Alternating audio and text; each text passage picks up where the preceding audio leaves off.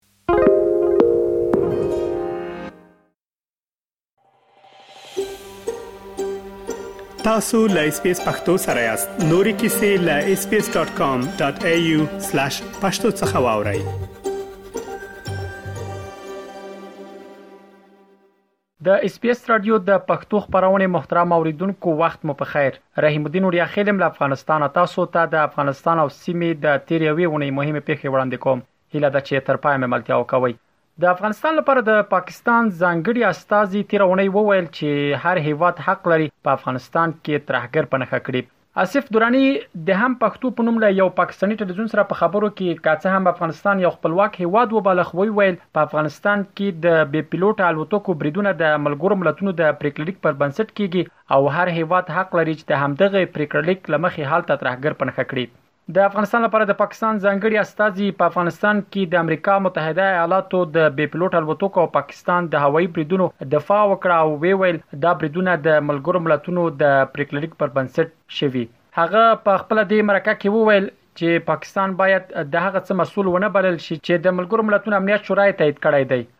آصف دراني په خپله دې مرکه کې د کابل په شیرپور کې د امریکا د بې پیلوټه الوتکې په برید کې د القاعده ډلې د مشر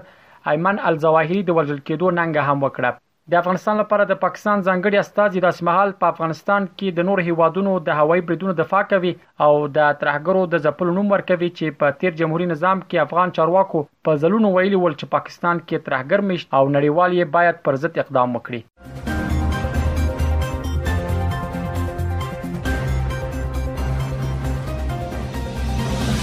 د طالبانو سرپرست حکومت تیرونی په افغانستان کې د سویډن هیواد اړوند بنسټونو د فعالیتونو د بندیدو پریکړه وکړه طالبانو دغه پریکړه په سویډن کې د قران کریم د څو نسخو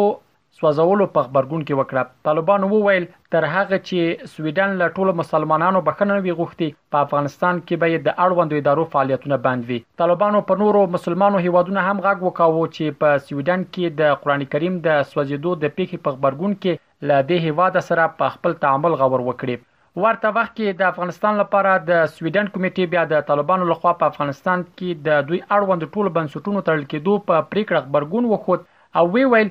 دوی قران کریم ته د سپکاوي هر ډول عمل غندي او د مذهبي عقایدو قوم یا تابعیت لمخې هر ډول شخړه او ډلبندي محکوموي دوی وویل، طالبانو سره پر دې موضوع د مذاکراتو هڅه کوي، څو د خپلې پرېکړې په باب وضاحت ورکړي، ځکه د دوی په وینا دغه پرېکړه د سویډن کمېټې فعالیتونه هم اغېزمنوي. د یادونې ده چې په افغانستان کې د سویډن هېواد یو شمېر بنسټونه له افغانانو سره په بشري، تعلیمي او روغتیايي برخو کې مرسته کوي.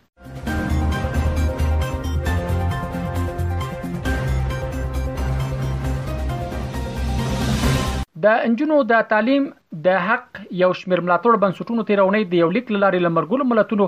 او د نړۍ له مشرانو وغوښتل چې د انجونو د خونځیو پرانیستو په پار پر طالبانو ډیپلوماټیک فشار راوړي دغه لیک چې د بشري حقونو د دېرسو شبکو او سازمانونو او درې سوه او څوارلس مدني فعالانو، خبریالانو، اعتراض کوونکو او محصلانو له خوا یې ملاتړ شوی و، په کې ویل شوي ول چې د یووالي، عدالت او بشري حقونو په برخه کې د نړۍ د مشرانو د ژمنتیا له مخې دوی مکلف دي چې د هغو سلګونو زرو نجونو او د دوی له کورنیو سره چې د بند ښوونځي او پهنتنونو د بیرته پرانیستلو او د ټولنیزو سیاسي او کلتوري وضعیت د سمدستي غرغونې غوښتنه کوي ودرېږي په لیک کې له خپل حقونو څخه د نجونو او خزو بې برخه کول جنسي توپیر بلل شوی وو او له مرګلو ملتونو سازمان او غړو هیوادونو غوښتل شوی ول چې جنسي توپیر په نړیوالو قوانینو کې د بشریت ضد جرم په توګه په رسمیت وپیژني په دغه لیک کې همداراز ویل شوي ول چې نړۍ مشران باید همدا نن عمل وکړي ترڅو افغان نجونې بیا کیفیته زده کړو ته لاسرسی پیدا کړي ځکه سبا به ځنډ وي. ورته وخت کې د سولې جایزې ګټونکې ملاله یوسفزۍ هم تېره اونۍ د خپلې کلیزې په مناسبت په جوړه شوې غونډه کې وویل، هېڅکله یې فکر نه کاوه چې افغانستان کې به نجونې له تعلیمه بې برخې کېږي. ملاله یوسفزۍ د نړۍ له مشرانو وغوښتل چې زده کړو ته لومړیتوب ورکړي او پر همدې برخه پانګونه ډېره کړي. د یادونې ده چې د دوه زره او یوویشتم کال وروسته له هغه وخت را په دې خوا چې طالبان بیا په افغانستان کې واکمن شوي، نجونې او ښځې له شپږم ټولګي پورته له منځنیو، ثانوي او پوهنتوني زده کړو منع کړي.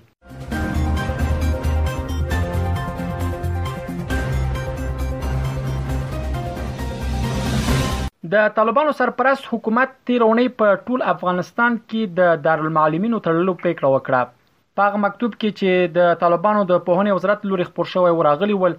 د دارالمعلمینو یا ښوونکو د روزنې عالی موسسو تشکیلاتي واحدونه د پوهنې وزارت له چوکاټ حذف شوي د طالبانو د دغه پریکړې پر اساس به د کابل او ولایتونو په شمول د دغه دارالمعلمینو 3400 کادري استادانو ترڅنګ 2000 اداري او خدماتي پرسونل خپل دندې له لاسه ورکړي د پوهنې وزارت په مکتوب کې ویل شوی ول چې د دې موسسو استادان او اداري او خدماتي پرسونل به په نورو ښوونیزو مرکزونو لکه ښوونځي او مدرسو کې جذب شي د طالبانو له واکمنېدو وروسته تر ټولو لانجمنې پریکړې د زده کړو او د ښځو د حقونو په برخه کې کړي چې ګڼ نړیوال او کورني غبرګونونه یې لزانه سره درلودل دي خو له دې ټولو غوښتنو باوجود هم طالبانو په دې برخه کې خپل محدودیتونه نه دي راکم کړي او په دې برخه کې شوې پریکړې د افغانستان کورنۍ مسله بللې ده.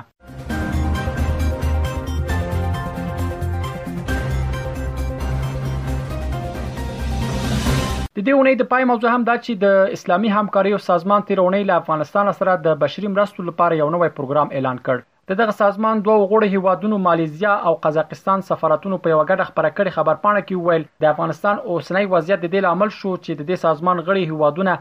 د خوړو د مصونیت پروګرام له لارې د بېړنۍ مرستې ګډې هڅې وکړي. خبرپاڼه کې راغلي ول، د اسلامي همکاریو سازمان د اووه پنځوس غړو هېوادونو ګډ ملاتړ د افغانستان لپاره په ځانګړي ډول د دغه هېواد روان بشري وضعیت ته پام مهم دی. تر دې وړاندې د خوړو نړیوال پروګرام ویلي ول چې د بودجې د کمښت له امله اته میلیونه افغانان نور مرستې نشي ترلاسه کولای. دوی لیکلي ول د دوی مرستې په داسې یو هیواد کې د هغه میلیونونو انسانانو ژوند ژغوري چې که په یو وخت ډوډۍ ور ورسیږي نه پوهیږي چې د بل وخت ډوډۍ به څنګه ومومي. د دې ترڅنګ د پاملرنې موسسې د نجات نړیوالې کمیټې او د ناروې د کډوالو شورا استازو هم تیرونۍ اعلان وکړ چې مرستندویې موسسې د طالبانو له محدودیتونو باوجود ډېر شمېر افغانانو ته مرستې رسوي. د ملګرو ملتونو د بشري چارو د همغږي کوونکې ادارې او اوچا د معلوماتو له مخې سږ کال په افغانستان کې د بشري مرستو لپاره درې میلیارده او دوه سوه میلیونه ډالرو ته اړتیا ده خو تر اوسه پورې دوی یوازې څه باندې څلور سوه اویا میلیونه ډالره ترلاسه کړي چې دا د دوی له لوري د ټولو غوښتل شویو پیسو یوازې څه کم پنځلس سلنه ده. دا ول د افغانستان او سیمې د تېرې یوې اونۍ مهمې پېښې چې ما تاسو ته وړاندې کړې.